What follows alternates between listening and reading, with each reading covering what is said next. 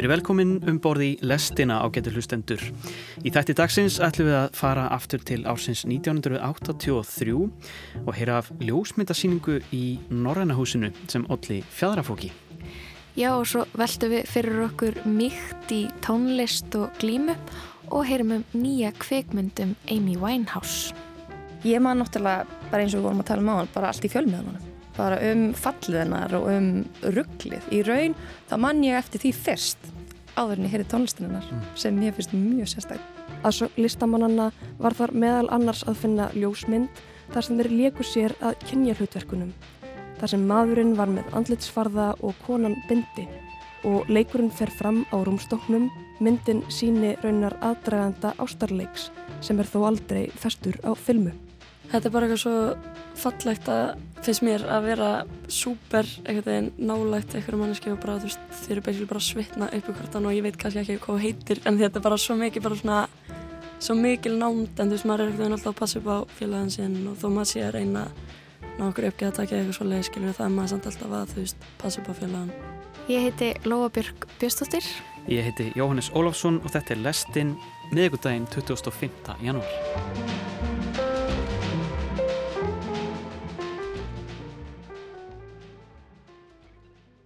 Í gær voru tilnefningar til Óskars veluna byrtar og það vakti aðtikli hér á Íslandi að íslenski teiknarin og leikstjórin Sara Gunnarsdóttir hlaut tilnefningu í flokki teiknaðara stuttmynda fyrir seríuna My Year of Dicks.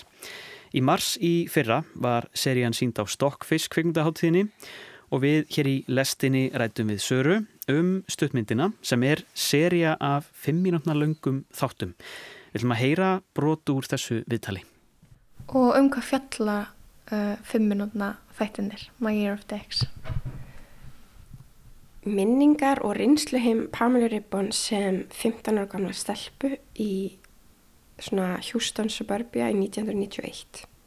Hún hérna, og hún svona er svolítið að hugsa um ást og stráka og, og kynlíf og kannski, kannski skilur ekki alveg á milli sko uh, svona eitthvað líkamslegs og það að vera ástfangin þú veist. Hún er svona út úr Dear David the skater I know from riding the bus. As I watch you fall I can only think about how much I'm falling for you. Over and over your bones seem to yearn for freedom the way mine ache for your embrace. He's such a doof. He's not a doof. Þú vorust að gera þessa mynd með henni Pamela Ribbon Hvernig er samstarfi ykkar? Hvað er, svona, hvað er í þínum verkarhing og er rauninu hvað er bara hlutverk svona teiknumynda leikstjóra? Sko, já. Um, sko FX uh, Network sem að er að kaupa þetta efni, þau nálgust Pamilu eða Pam mm. og báði hana um að, hvernig sem er að adapta. Breyta. Já, þess að taka bók, sérst, hún skrifaði líka bók þetta er rosalega svipað á þetta fyrsta verkan sem ég var að tala um mm. sérst, hún skrifaði bók sem er svona byggt á brefum sem hún skrifaði sem hún var svona obsessiv mm. þannig að alltaf skrifa það sem táningur og skrifa sérst, strákum eða þú veist hérna, skrifa bref til henni þessa eða reyndir ekki dagbók, hún skrifa ekki dagbók og þau sérst og, og svo skrifa hún bók sem er byggt á þessum brefum uh, og er svona svolítið að gera grína sjálfur sér og þau byrði hana að taka efnið og breyta því í uh, sagt, litla animera þætti. Mm. og hún skrifar það og svo sömari 2020 þá heyrði ég frá FX og þeir voru að leita einhverjum leikstir þessu. I love how you file your nails into sharp points those tiny daggers of want. My friend Karina told me that you told her you did it so you could warn everyone that you were a vampire I need no such warning In fact, I find this irresistible as I am searching for the one who will take my first blood, inhale my innocence. Perhaps it will be you, immortal stranger. Já, svo bara ekkert neginn þegar þau eru í ferðlum að ráða mig þá að við fundum með Pam bara svona fullvisa hana um að ég er ekki að fara, ekki að fara að stela efnun af henni eða þú veist, eða loka nút eða þú veist, þetta er svona svolítið viðkvæmt að þetta er svolítið svona persónlegt sko mm. og hérna og við ákvæðum að gera þetta saman. Og hún er sko skrifar líka verið báða skrifar sem executive producer. Þannig að þetta, já, þetta var mjög mikið samstarf. Og hann að ég sett hérna storyboardaði þættina sett, sem teiknaði upp sett, hvert skot og bar það undir hana. Og svo og hérna svo bjóði til animatic heitir það. Þar að maður klippir sett, teikningarna sínur upp á tímalínu með einhverju stand, ég er bara með ennskorð stand-in temp já. Já. og hérna já, já, og þar erum við beiningreindina og svo réð ég alveg bara ótrúlega flotta listamenn, animation listamenn sem að allt fólk sem að ég hefði unni með áður. Mm. svo reyndar bættu við við í teimi tveimur að setna sem ég hef ekki unni með áður en alveg ótrúlega, já, bara ég fekk alveg bestu listamenn mm.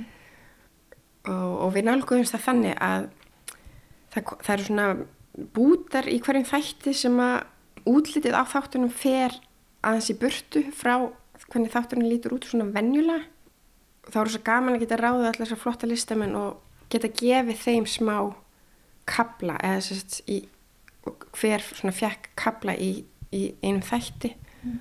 og fekk að setja sér mark á það mm. og gera svona sinn stíl eða þannig mm. oh. oh Dear first penis ever in my hand This was unexpected I You feel unlike anything I thought you would. You feel inhuman, plastic, like, like you're made of doll parts. I, I can't see you and I do not want to. How am I supposed to like this? Sara Gunnarsdóttir, teiknari og leikstöri, saði frá stuttmyndinni My Year of Dick sér í lastinni í fyrra en hún hlaut Óskars tillemningu fyrir stuttmyndina í gær og við óskum henni til hamingju. En við ætlum að halda okkur við kvikmyndirnar. Eh, ég rakst á umræðu um nýja leikna kvikmynd um Amy Winehouse sem er nýbyrjuð í tökum en fólk er strax farið að gaggrína myndina fyrir hitt og þetta. Eins og með allar svona myndir er reyfist um hvernig fólkið á að líta út og hver má og á að segja söguna. Markir velta fyrir sér er of snemt að gera mynd um Amy Winehouse.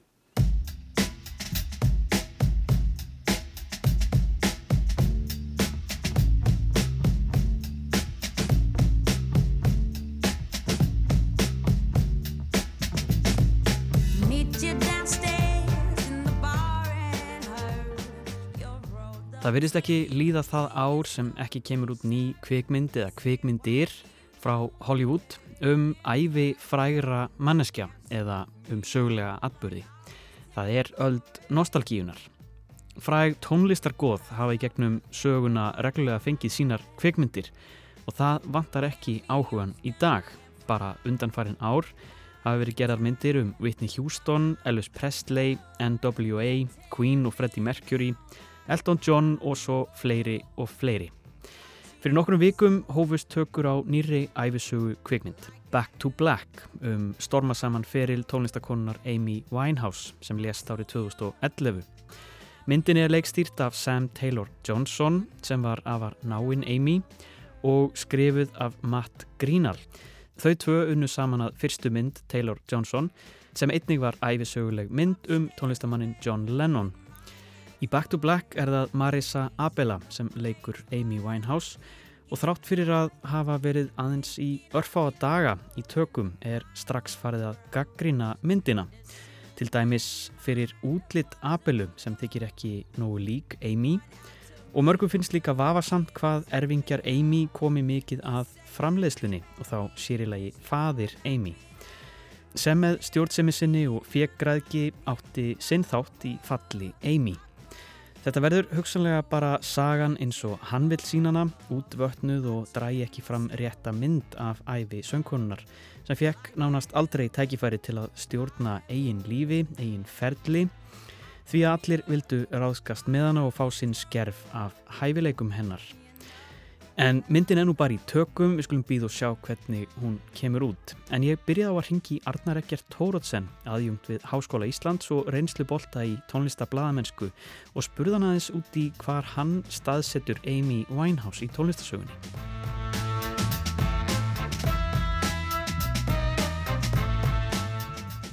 eins og þetta snýra mér, þetta er svona eitt af þessum síðustu og þau eru auðvæntilega eftir að vera fleiri en hún fellur inn í svona íkonaflokk eins og Kurt Cobain, Janis Joplin, eh, Jim Morrison, við getum sagt það sko. Og ég set hana bara heiklaust í flokk með þessu fólki sko. Hún meiri sér að dó Já, 27 ára eins og margir, af þessum rockstjórnum. Já, nákvæmlega, þetta er þannig 27 ára og bara svona rosalega sorglegt og tragist fer þarna nánast klísjukenda leið í sökkinu sko er gríðarlega hæfileikarík og, og með eitthvað X sem allir elska næra snara þarna út tveimu plötum þar sem sko setni platan hérna Back to Black hérna er, er bara álitin algjört meistaraverk síðan bara fer fljótlega hallandan fæti og hérna við gerist nú hérna spekingslegur sem er nú minn starfi að hún líka fyllir upp í finnst mér stundum þörf okkar fyrir einhverja svona píslarvotta. Það vilja allir fá bytta af Amy Winehouse á sínum tíma og, og bara, og ennþá. Já og það er líka, það er annað, þetta er svona nánast miðaldavegt og okkur finnst gott að sjá fólk þjást sko. Þetta er svo, þetta sé bara eitthvað skemmtun fyrir, fyrir, fyrir miðaldafjöldan að hérna allir elska Keith Richards sko af því að hann er svo hérna, því að hann var svo mikið leitilega þykil. Það er eitthvað svona Pete Doherty í Libertine sko, það er bara að fólk er heitlað af fólki sem svona lifir á brúninni sko Að- og mér er já. þó það alltaf svo merkilega faktor í, í poptónlist að, hérna, að þetta líka, þetta er bara eitthvað svona karnal hérna, þráhyggja hjá okkur öllum sko. Það er heilmikil þóruðar gleði þegar Amy Winehouse er annars vegar og þegar hún var hvað frægust veltist hún um í fjölmiðlum aðalega fyrir fíkn sína. En hennar stjarnar skín rétt áður en samfélagsmiðlar verða allt um líkjandi. Arnar segir að hún hafi verið einn síðasti albúmlistamæðurinn. Mér fannst þetta bara tónlistilega því að fannst mér merkilegt að heyra þessa tónlist þetta var rosalega retro en virkaði einhvern veginn í nútíma samhengi. Þetta er bara eins og, veist, það er oft sko bara eins og þegar Nirvana kemur til hérna söguna, er þeir voru ekkert að finna upp hjólið tónlistalega en, en það var bara eitthvað í attitútunu og, og ástriðunni og hún kemur með svona svipa, svipa væp inn í senuna sko. En síðan er það bara þessi, þú veist, það er ekkert spes síðan við það þegar fólk fer bara að drekka yfir sig sko. Þetta er, ég er orðin það gamall að mér finnst þetta ekkert svalt lengur sko. En ég skil samt þetta og ég er ekki múin að greina þetta niður til hlítar þessi, þessi sko, hvað er um heilluð af fólkið mitt sem er að keira sig út einhvern veginn sko. Fólk var að elska það, það er svo spennandi, það er svo, þú veist, e, e, þú veist, þú varst að hafa eitthvað svona rock lífverkni, því að, því að hérna, já, það er bara eitthvað spennandi við það, þetta er bara eitthvað svona skemmt um fjöldanum dæmi, sem er, e, það er eitthvað hrikalegt við þetta líka, en hérna, ég get ekki klárað þessa kenningu hérna í einu síntæði. Nei. En svo er það náttúrulega þáttur fjölmiðla og, og, og hún verður Mm. matur fyrir fjölmiðla sem að sko espa þetta upp þannig að þetta í rauninni keirir, keirir hvort annað áfram sko fíknin og svo fréttir af henni Ég, ég er partur á vandamálinu. Ég var að vinna sem blaðamaður á morgunblaðinu þegar þetta var í gangi og ég skrifaði mjög mikið af fréttum af uh, Amy Winehouse og sérstaklega einhverjum svona gulum fréttum sko. Af þetta er bara það sem fólk vildi sko. En svo er það líka náttúrulega eins og, eins og kemur kannski fram í heimildamyndinni sem kom út hvað, 2014 eða 15 í henni sér maður líka sko hvernig baklandið hennar er líka að sko setja bara dæla óli á eldin það er náttúrulega Jú. aðalega pappi hennar sem að hérna, keirir þetta áfram já, já, þetta er, uh, einmitt, þetta er þetta, uh, það myndast oft fljótt svona, það er einhvern svona sjúkt ástand sko og þú veist, og fólk fer einhvern veginn finnst manni stundum svona misilla út á þessu sko. Þegar peningar eru komin í spili þá fer svona einhvern veginn minn allt í gang sko. Eh, Það er svona leiðinlegur svona gullgæsar faktor í kringum Amy Winehouse sko. Stundum fannst manni hún vera líka bara pínu tímt sko. kannski Með svip, alla þessa eh, hákalla í kringu sig fattar og þetta er þetta að koma í bransanum sko sem eru, veist, það- það er meira þeim, þeim sem jaskað út fyrir eitthvað köllunum sko, fyrir miður. Miða við viðbrögð aðdáenda Amy Winehouse veriðist sem svo að það er ekki allt rík sest í hennar sögu. Tvær hliðar veriðast vera bítast um að stjórna frásagn hennar, pappinar annars vegar og aðdáendur hins vegar. En sama hvernig þessi mynd fellur í kramið hjá fólki verður hennar alltaf minnst fyrir tónlistina. það er alveg rétt metið hjá þér einhvern veginn að þetta, þetta, þetta, þetta skrítna heldur áfram einhvern veginn sko. svona slagsmáli kringum þetta og á að gera þetta svona hinsinn á meðan sko aðri tónlistarmenni minn svo Ray Charles þarna myndið svona Ray uh, uh, þú veist Elvis Presley þessi nýjasta mynd sem er svona það komi bara meiri fjarlæði líka á hlutina sko. Mann finnst þetta að vera að gerast kannski þetta aldrei snemma, þú veist, þetta er viðkvæmt mál, hvernig á að handla nákala með þetta sko.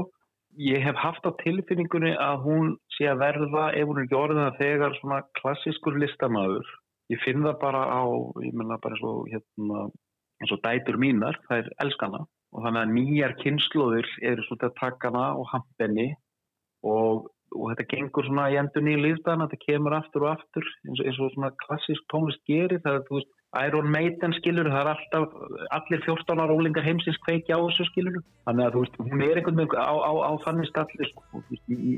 mín spá með hana er að ég held hún, ef eitthvað er þá er þetta bara eftir að aukast svona, þessi íkonbræður á henni sko.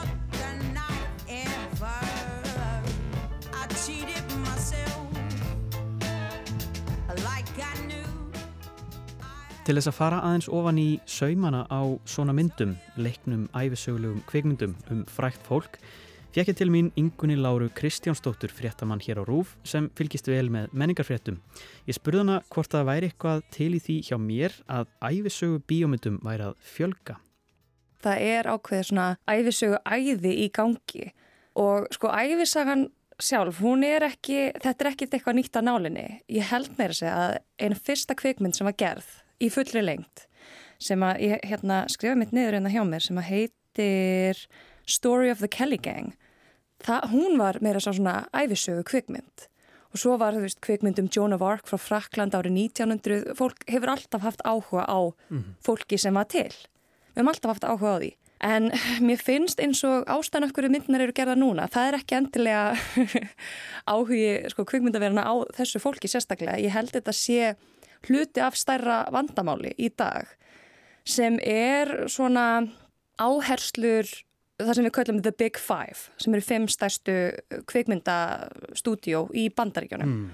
og það er náttúrulega bara að græðins mikinn pening og við getum og, og að henda út eins miklu efni og við getum saman hversu svona við erum svona vatnaða svolítið niður. Mm -hmm og þetta, þetta fyrirbæri er náttúrulega að gera framhaldsmyndir, að gera myndir byggðar á bókum eða teiknusögum sem er nú þegar með einhvern sko aðdándahóp bakvið og gera æfisögur sögur um frækt fólk sem er með aðdándahópa baki. Þetta er, þetta er örug leið mm. til að fá inn áhörvendur. Engin áhætta og það er ekki verið að gera mikið af um, nýju, af nýjum verkum, þar að segja ekki hjá þessum Big Five. Mm og það er það sem ég held að sé í gangi núna. Já. Það er flóð af æfisögum, af frægu fólki.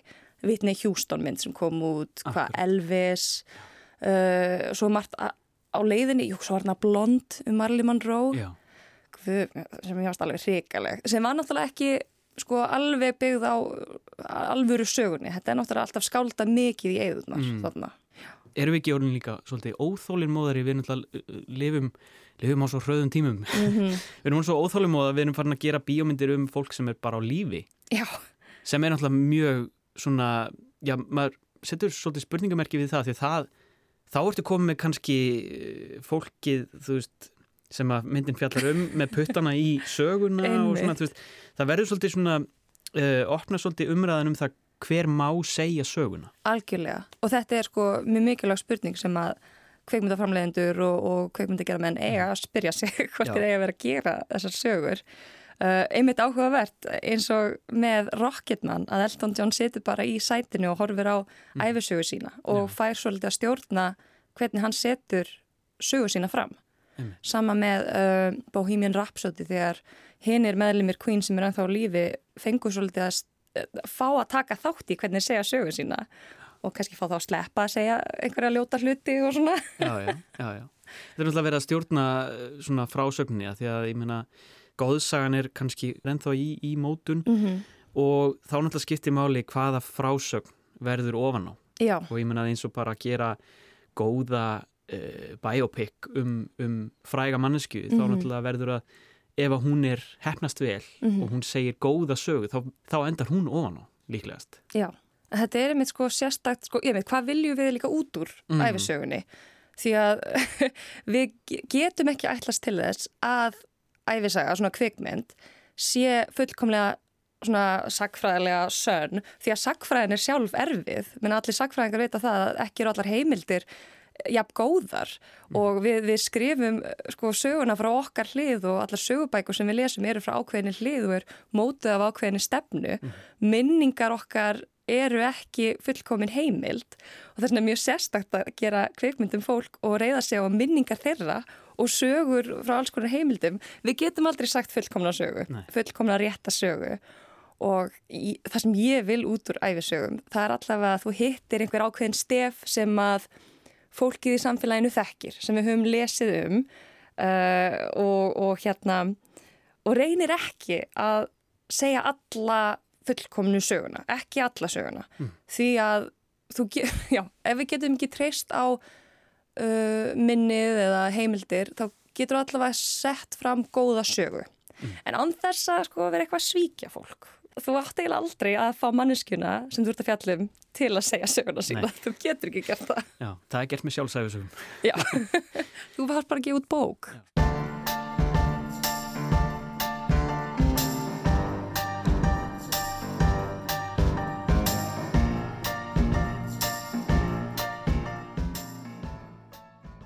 Það er líka mikið rætt um hvernig myndirnar líta út Já. hvernig þær eru framleitar Mhm. uh, hver leikur aða hlutverkið hvernig Já. lítur svo manneskja út og svo framvegis Mm um, Í dag er náttúrulega sko, höfum við svo ótrúlega mikinn aðgang að, að fjölmiðlum og við getum flett upp manneskunni bara á, á, Bara í HD. á, há- í hátti og bara og allar upplýsingar um manneskuna þannig að þú Mhm. veist við erum svo miklu meira einhvern veginn mm, svona fjölmiðlarnir einhvern veginn er ekki að halda einhverju svona dölúð að manni, maður veit allt um þessar manneskjur Já.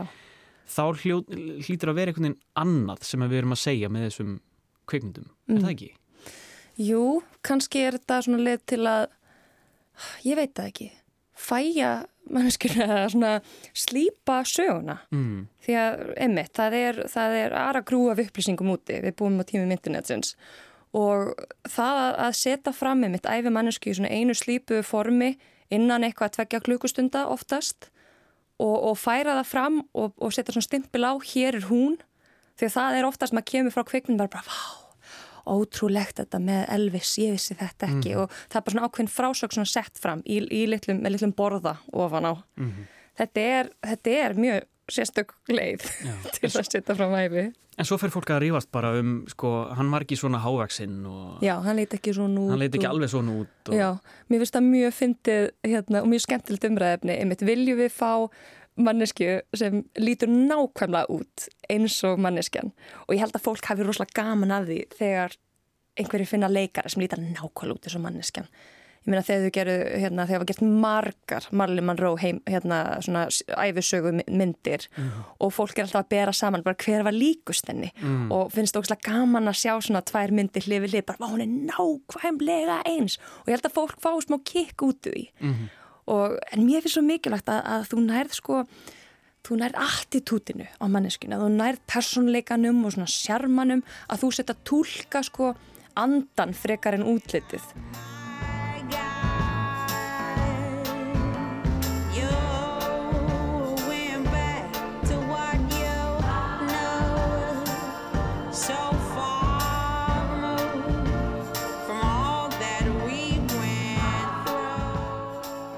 Hvernig mannst þú eftir Amy Winehouse? Ég man náttúrulega bara eins og við vorum að tala um á hann bara allt í fjölmiðlunum.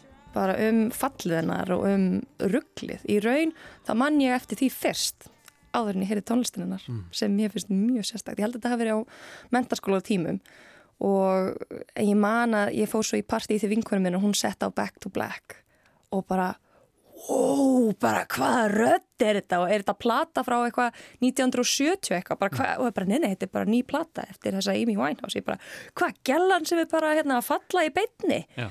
þetta var svona rosalegt dæmi og bara, á, þessi rödd. Og svo mann ég að þegar hún dó ég man eftir bröndurunum á netinu. Bara, ah, didn't see that coming. Mm -hmm. bara þessi brandarar það var bara djók á hann væri látin út af því að þeir voru búin að fylgjast með því gerast, þeir voru búin að fylgjast með þessari lest og hvert hún var að stefna. Svo kom slísið og við bara svona já, haha, við vissum þetta. Mhm. og þegar maður hugsa tilbaka bara hvílik brenglun. Já. en ég held að þetta sé bara mjög snemt, mjög snemt að segja sögu því að þetta er ennþá svo viðkvæmt.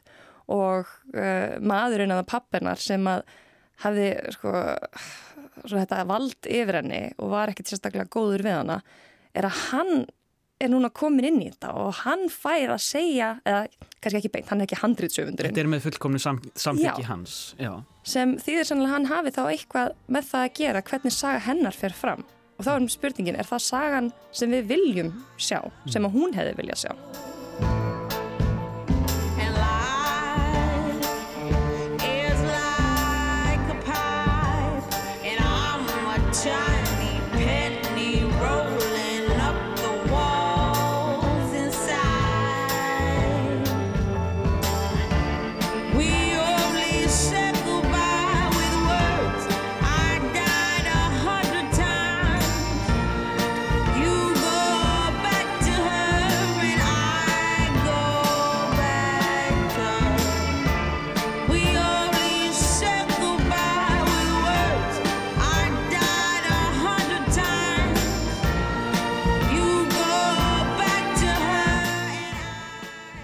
Lægið Back to Black með Amy Winehouse frá samnemndri og ódöðulegri plötennar frá árinu 2006.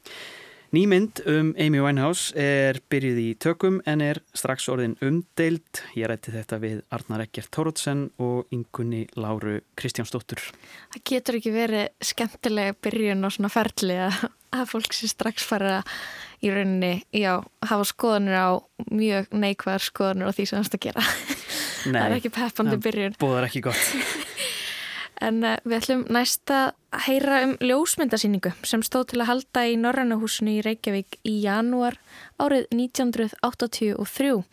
Steinun Sigþróður Jónsdóttir, sagfræði nemi, fjallar um sýninguna Grímur manneskunar sem tveir ungir norskir listamenn komu með til landsins fyrir 40 árum.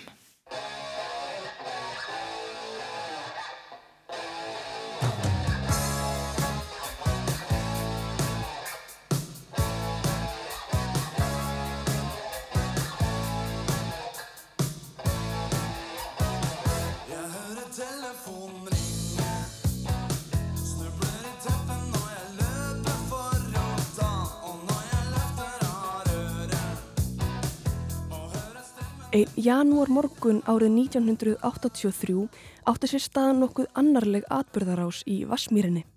Tveir norðmenn sem hafðu fagnað opnun síningar sinnar í Norrannahúsinu fáinum dögum fyrr tóku niður verk sín í flíti, liðlega hundraði ljósmyndir og litskyngnur og fóru af landibrott. Uppálega stóð þó til að síningin stæði í nokkrar vikur og íslensku dagblöðin förðuðu sig á afdrifum þessara skamlífu myndlistarsýningar. Næstu daga og vikur fjölluðu íslenskir fjölmiðlar um ágreining á milli samsins og myndlistarmannana og það gerðu norskir fjölmiðlar líka. En sögunar sem voru sagðar í blöðunum sitt hvoru megin við norður Allandshafið voru þó nokkuð ólíkar. Við ætlum að skoða þessa sögu frá báðum sjónarhólum, sögu síningarinnar Menneskes maskir.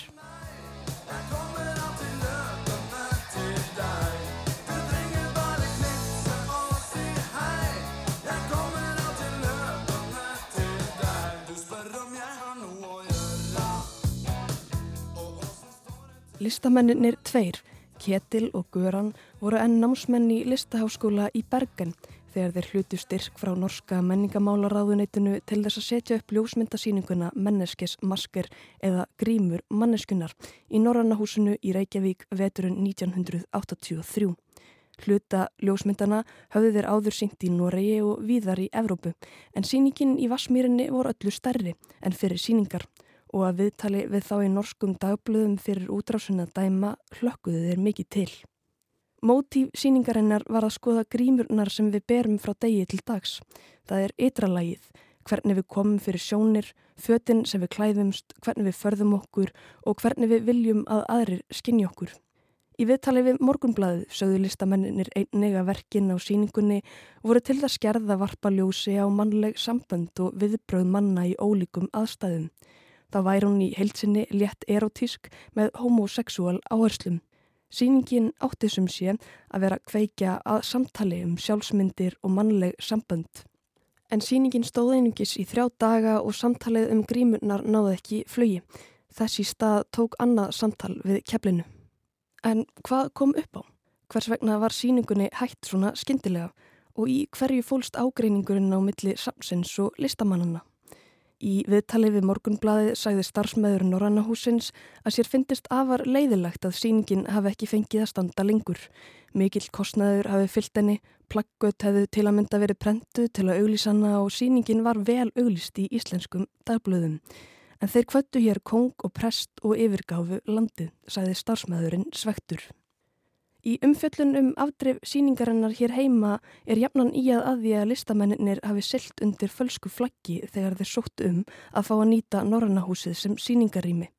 Í umsóknarferlinu hafið þeir lofa svartkvítum ljósmyndum en engum litskignum sem þeir tóku þó með sér til landsins. Komu með litskignur sem ekki var óskað eftir var til dæmis fyrirnemdrar greinar í morgunblæðinu. Því skal þó haldi til haga að ljósskignur eru í grunninn ljósmyndir. Ljósmyndir á gegnsæri filmu sem er varpað á vegg með því að beina ljóskeisla að filmunni. Með öðrum orðum komu norsku listamennir með ljósmyndir sem voru settar fram með tveim ólíkum leiðum en það hefur ekki fallið vel í kramið hjá forsvarsmönnum Norrannahúsins af einhverjum ástæðum. Í íslensku fjölmiðlunum segja starfsmenn Norrannahúsins frá því að þau hafi beðið listamennina kurtisislega um að taka niður skegnunar og leifa ljósmyndunum einum að standa eftir. Listamennir hafi tekið illa í þá beðinni og því horfiða landibrott með verkin sín meðferðis. Þessi umfjöllun er öll svolítið rugglingsleg. Litskegnunar verða að einhverjum blórabögli og það er ekki ljóst hvort starfsmönnum Norrannahúsins hafi þótt ljóskíslinn sjálfur sem varpaði myndunum upp á vegg vera vandamálið eða var það eftirvill efni viður myndana sem varpað var á veggin. Einungis ein frétt fjallar um afdrif síningarinnar frá sjónurhorni listamannana og hún segir allt aðra sögu en önnur umfjöllun í íslenskum fjölmiðlum. Þetta var grein sem byrtist einni í morgunblæðinu og bar fyrir sögnina alvarlegt mál að Norrannahúsið skuli aðhyllast rétskoðun. Bergen þið hafið blekt okkur, pakkið saman ljósmyndasýningunni. Ég hrættum að þessar homopolítísku myndir geti skadað orðspor Norrannahúsins. Þessi orð sögðu lorsku listamennir að starfsmenn Norrannahúsins hafðu látið falla stuttu eftir að síning grímur manneskunar var opnuð í janúar 1983. Þrátt fyrir að skipta litlu máli í íslenskri umfjöllun um afdrif síningarinnar var reytskoðun í brennidepli í þeirri umfjöllun sem byrtist í norskum dagblöðum.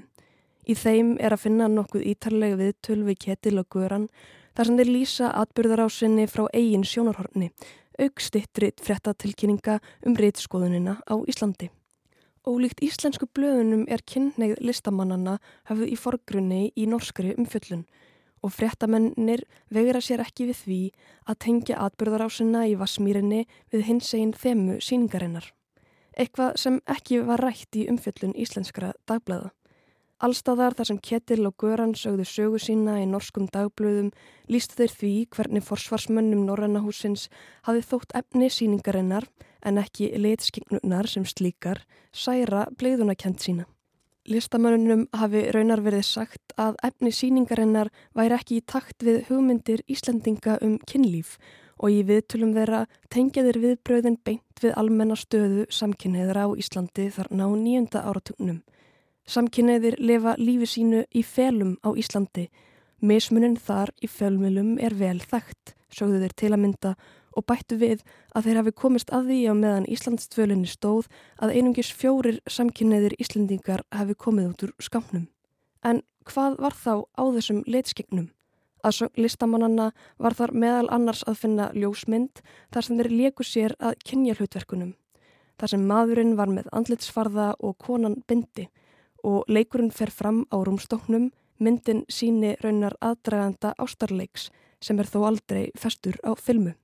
Augurunina í þessum litskignum Höfum hvorki við nýja aðrir sem hafa séð þær komið auga á, sögðu listamennir í viðtali, sem áttu erfitt með að átta sig á viðbröðum Íslandinga við síningunni.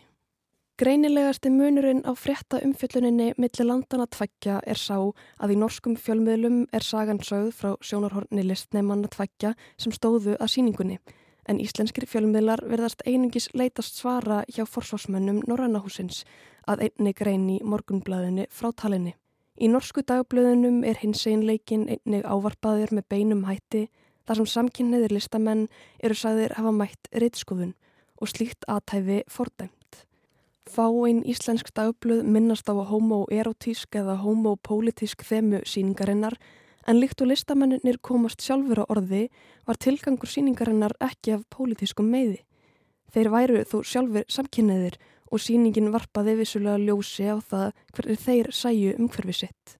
Umfjöllunin í norskum dagblöðum tengdi reytskoðunina ennig við almenna stöðu samkynniðra á Íslandi á nýjunda áratugnum. Fyrirsögnin Ísland reytskoðar samkynniða sem byrtist í verðins gang í er þannig að því að ekki sé um einstæmi að ræða, nýja ákverðun einstaklings, heldur er afdrifum síningarinnar telt fram sem byrtingamind þess misréttis sem samkynniðir máttu sæta á Íslandi.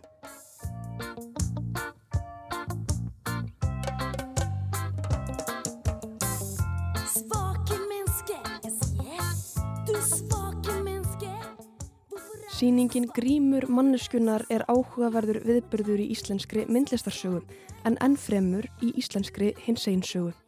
Hún er dæmum það hvernig hinsegin braust fram á yfirborðið á Íslandi á nýjunda áratugnum fyrir tilstilli norrænar samvinnu. Og hinsegin sagan á Íslandi er einmitt nátengt þeirri í nokkranlundunum. Viðbröðin við síningunni verðast hins vegar varpa ljósi á viðtæka þöggun á hinseginleika á Íslandi á þessum tíma. Reitskoðunin kemst varla á blað hjá íslensku dagblöðunum en í þeim norsku er hún aðalatriðið og vekur upp réttmætar spurningar um hvernig staða hinsegin fólks í fjölmiðlum og listheiminum var frábröðin á Íslandi og í nágrannlöndunum þarna við upphaf nýjunda áratöksins. Samtalið sem norðmennir tveir lögðu upp með að áarpa grímur manneskunnar fór því ekki á þann veg sem þeir höfðu ætlað sér. Við tók annað samtal og þegar sagan um litskignunar sem byrtist í íslensku fjölmiðlunum er skoðuð af kostgefni er ekki ólíklegt að fara að renna á mann tvær grímur.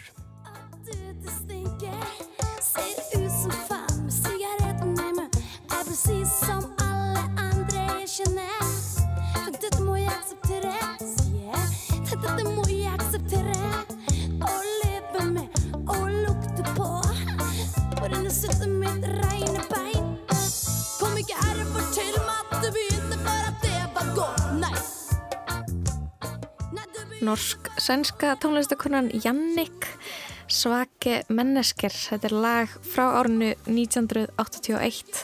Það var Steinun Sigþrúðar Jónsdóttir sem rækti þarna á undan söguna af ljósmyndasýningu í Norrannahúsinu sem var aflýst vegna þess að hún þótti hafa of sterkar hinsegin vísanir.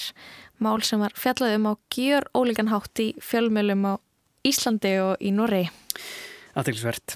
En næst ætlum við að ræða við unga tónlistakonu Áslögu Dungal sem gaf út sína fyrstu plötu í fyrra, sexlaga plötuna Óviss. Við ræðum við hana um mýktina í tónlistinni og mýktina í glímunni sem er önnur ástriða í hennar lífi.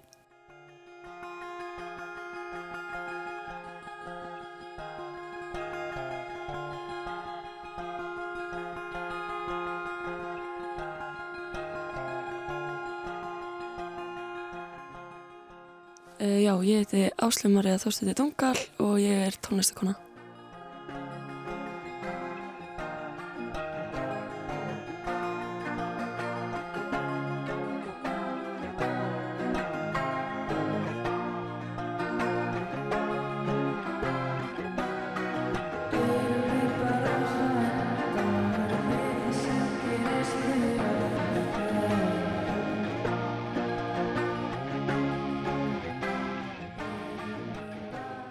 Fyrir einlega ákvæmt ári síðan þá kom út sexla EP-platan Óviss.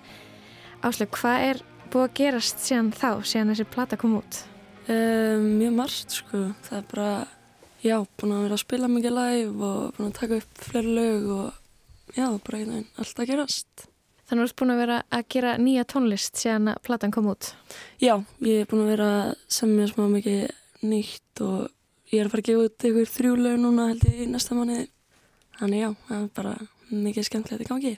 Er nýja tónlistin öðruvísi eða ert að halda áfram svona í sömu pælingum?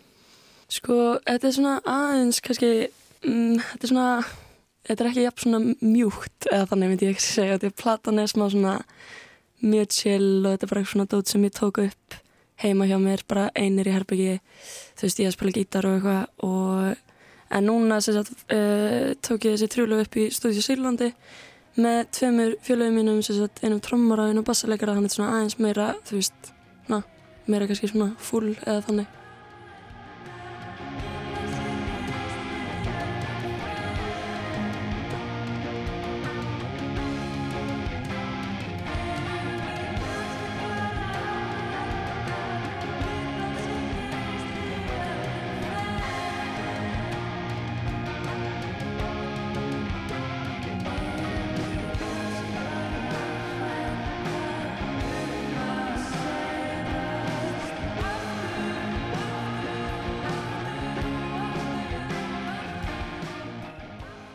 Þessi plata, Óveis, hvað ertu að, að syngja um á þessari plötu? Úf, bara lífið, uh, ég veit ekki, bara eitthvað dót sem var í gangi kannski á þeim tíma. Uh, svo var þetta líka bara pínu sapnað uh, einhverju sem ég var kannski búin að semja fyrir smá síðan og langaði bara að hensu saman, þú veist, í hennar plötu og gefa út. Hvenar byrjar þau fyrst að gera tónlist?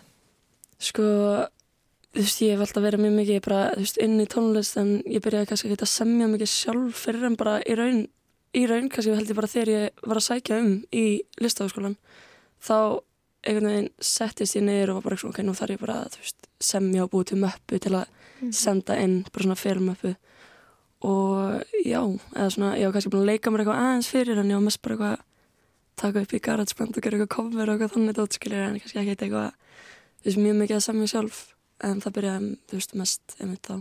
Hva, hvað er langt síðan það var? Uh, ég byrjaði 2020, nei, 2021, já, haust 2021. Ég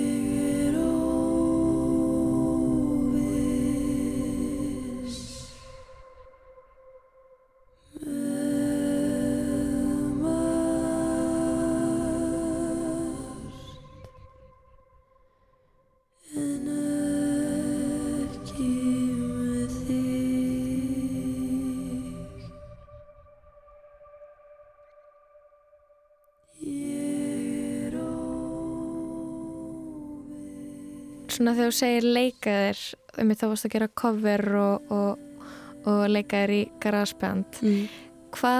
Hvernig finnur þú út úr í hvað þú átt að, uh, svona, þín næstu skref í tónsmiðum?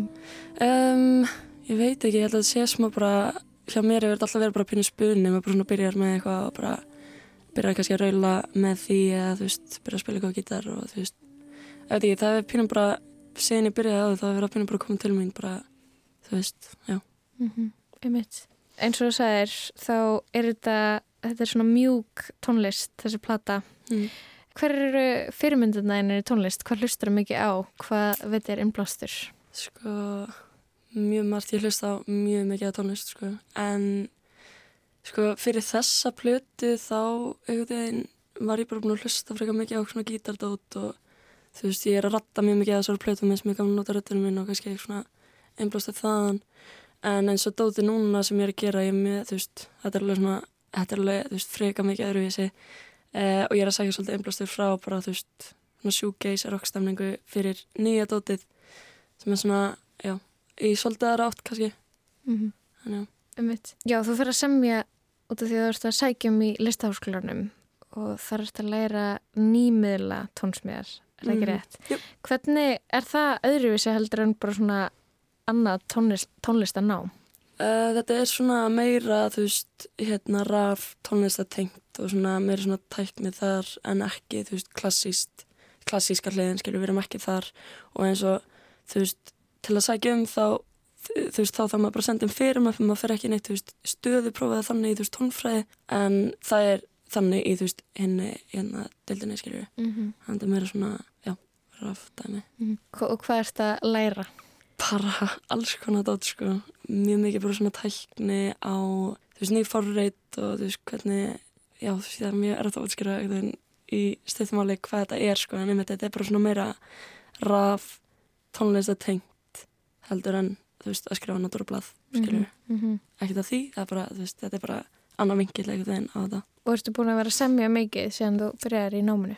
Já, mjög mikið sko og þú veist, þetta er alveg búið að opna algjörlega nýja vitt veginn fyrir mig og þú veist, já, bara mína tónlist basically bara, þú veist, ég er búin að fá mjög mikið frábærum tólum og bara frá kennarnum mínum og samnumyndum mínum bara að já, það meður bara svona, mest ég helst eða búin að fá frábæra tengingar út úr þessu námið þetta líka frábæra, þú veist, mentun en líka bara, þú veist, tengingar við þetta fólk, skiljur, sem er alveg mjög dýrmætt.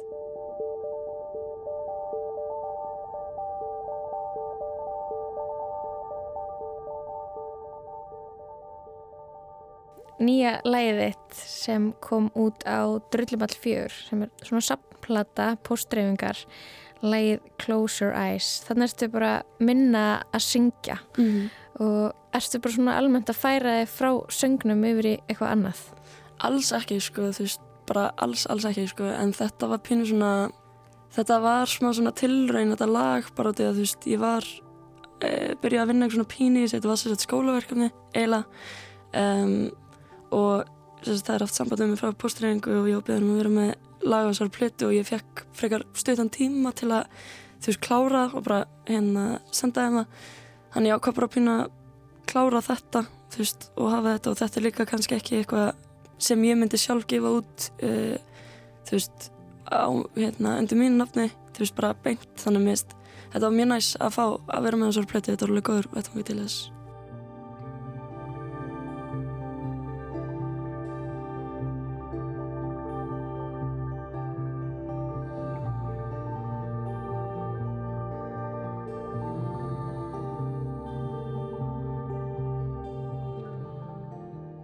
mér langaði bara ekki að mikið að semja eitthvað sem væri bara svona súper mjúkt og bara svona pínu svona hulaðandi dæmi. En þú veist ég nota eða bara gítar í þessu lagi og ég bara var að vinna hann mjög mikið. Uh, og síðan kemur röttin aðeins en líka. En mér langaði bara að gera eitthvað súper súper mjúkt og bara svona dreamy dæmi eitthvað. Mm -hmm. Já, tónlistiðin, það er, er rosa mikil mýkt í henni og það er mjög skemmtilegt að koma að staði að þú ert líka mikil glímu kona. þú varst að keppa mikið MMA sem úlingur og varst ofta að vinna mót. Ertu ennþá í glímu mikið? Sko ég var að keppa í, já, jiu-jitsu. Uh, ég er enda búin að vera í svolítið pásu núna og ég er búin að vera mitt í nýjönnu en uh, ég er búin að vera bara að þjálfa mikið núna og hérna bara að lifta og gera annað með, sko. En já. Skipar þetta ennþá stóran sess í lífið þínu? Já, klálega, sko. Og bara, ég elska að þjálfa, ég elska mjölni, bara elska að vera annað, þannig já, klálega. Og hvað er það við þetta sem að þið finnst svona skemmtilegt? Þetta er bara eitthvað svo fallegt að finnst mér að vera súper einhvern veginn nálægt einhverju manneski og bara þú veist þeir eru basically bara svitna upp í hvortan og ég veit kannski ekki hvað heitir en þetta er bara svo mikið bara svona þú veist svo mikil nánd en þú veist maður er einhvern veginn alltaf að passa upp á félagin sinn og þó maður sé að reyna þú veist ná okkur uppgeð að taka eitthvað svo leið skilur það maður samt alltaf að þú veist passa upp á félagin Passa með ekki? Já, klálega En aðeins meiri harka í þessu? Já, en þú veist, þetta er samt alveg frekar mjög íþrótt, sko. Þetta er alveg, maður er ekkert að slasa sem ekki, sko. Mm. Hvernig byrjaði í þessu? Uh, ég byrjaði 2015, held ég, minni mig, já. Hvað varst þú gömul? 15 ára. Já, Já. einmitt. Og erst búin að vera að síðan þá? Já. Yes, yes, yes. Og draumurinn að keppa í MMA, er það ennþá draumur? Mm, kannski eitthvað tíma, en ég veit það ekki. Ég er svona pínu búin að setja tónlistina í svona fyrst sæti núna, sko. En maður veit aldrei, sko. You never know. Þannig að strax og þú ert búin að uh, nýðið búin að lagast. Ætlar þá að fara aftur og æfa á fullu? Já, ég er búin að vera að reyna að koma mér aftur alveg í smá tíma en ég hef alltaf slasa mig aftur þannig ég svona er að passa mig mjög vel núna sko. En já, það, það væri mjög gaman sko. Hvað ferðu útrás fyrir í glímunni? Ég veit það ekki, ég er stundum svolítið æst og það var mjög næs bara, og reyfinga fyrst mér yfir höfuð bara að bara einmitt fá útrás í klukkutíma eitthvað að klíma við eitthvað nýr klukkutíma og síðan bara emma bara góður á eitthvað þess að bara, mér finnst það að losa um mjög mikið Og svo varstu líka að tala um að vera að kenna konum sjálfsvörn í mjölni. mm. Hvernig kennum við það? Hvað ertu að kenna? Sko þetta er svona sjálfsvarnar og sjálfstyrkinganámskeið þannig að þetta er basically bara fyrir konur uh, frá aldrinum 16 ára og bara upp í hvað sem er um, til þess að læra bara svona grunntök í þú veist uh, basically standandi þú veist standandi að vera þessi standandi gegn, gegn einhverjum og líka þá svona grunn í glímu sérst í golfinu og já, við erum bara að læra hvernig við getum sloppið úr hættulegum aðstæðum. Það er, við erum líka í samstarfi við lauruglun á höfuborgarsvæðinu og við fáum fyrirlestur frá einu konu þar alltaf við einu tíma. Og síðan er jókaþjálfari sem kemur í eitt teima með svona slökun og að þetta er svona, þetta er mjög fínt, fínt námskeið sko. Hvað er næst á dagskrá hjá þér? Uh, það er bara einbjöða mér að skólanum ég er að fara að mitt gefa þessi þrjúlegu dvonandi í næsta manni ég er búin að vera að fresta því svolítið sko þannig að fara, fara að klára það og síðan bara spila live og bara eitthvað veist það Finnst þið skemmtilegt að spila á tónleikum? Já, ég elska það, það er bara að skemmta sig ykkur sko. það er líka útrás þannig að það er, það er rosalega skemmtilegt sko. Hvernig eru tónleikar hjá þér?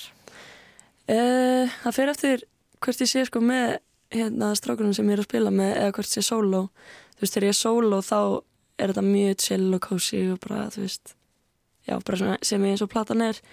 En síðan ef ég er með þá með mig þess að trómuleikaran og bassaleikaran þá er alveg mjög mikið stuð sko. Það er alveg Áttu eitthvað af þessu, þessum stuðlögum til eða er þetta að heyra það? Getur við spilað það? um, við gætum gefið smá er það um það sem að ég er að fara að gefa eða? Já, myndur þú geta sendt mér það? Já, við getum alveg tekið smá sneak peek sko Ok, það verður geggjað. Já. Áslu Dungal, þakka þér kella fyrir komuna í lestina. Takk fyrir mig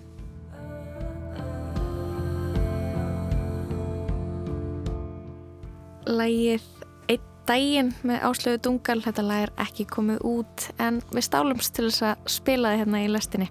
Vorum að ræða við þessa ungu tónlistakonu sem finnst gaman að glíma og vera að læra nýmiðla tónsmiðar í listaháskólanum. En við erum komin á endastöðu hér í lestinni. Tæknimaður var Kormokur Marðarsson við Jóhannes og Lóa. Takkum fyrir samfélgina. Verðið sæl.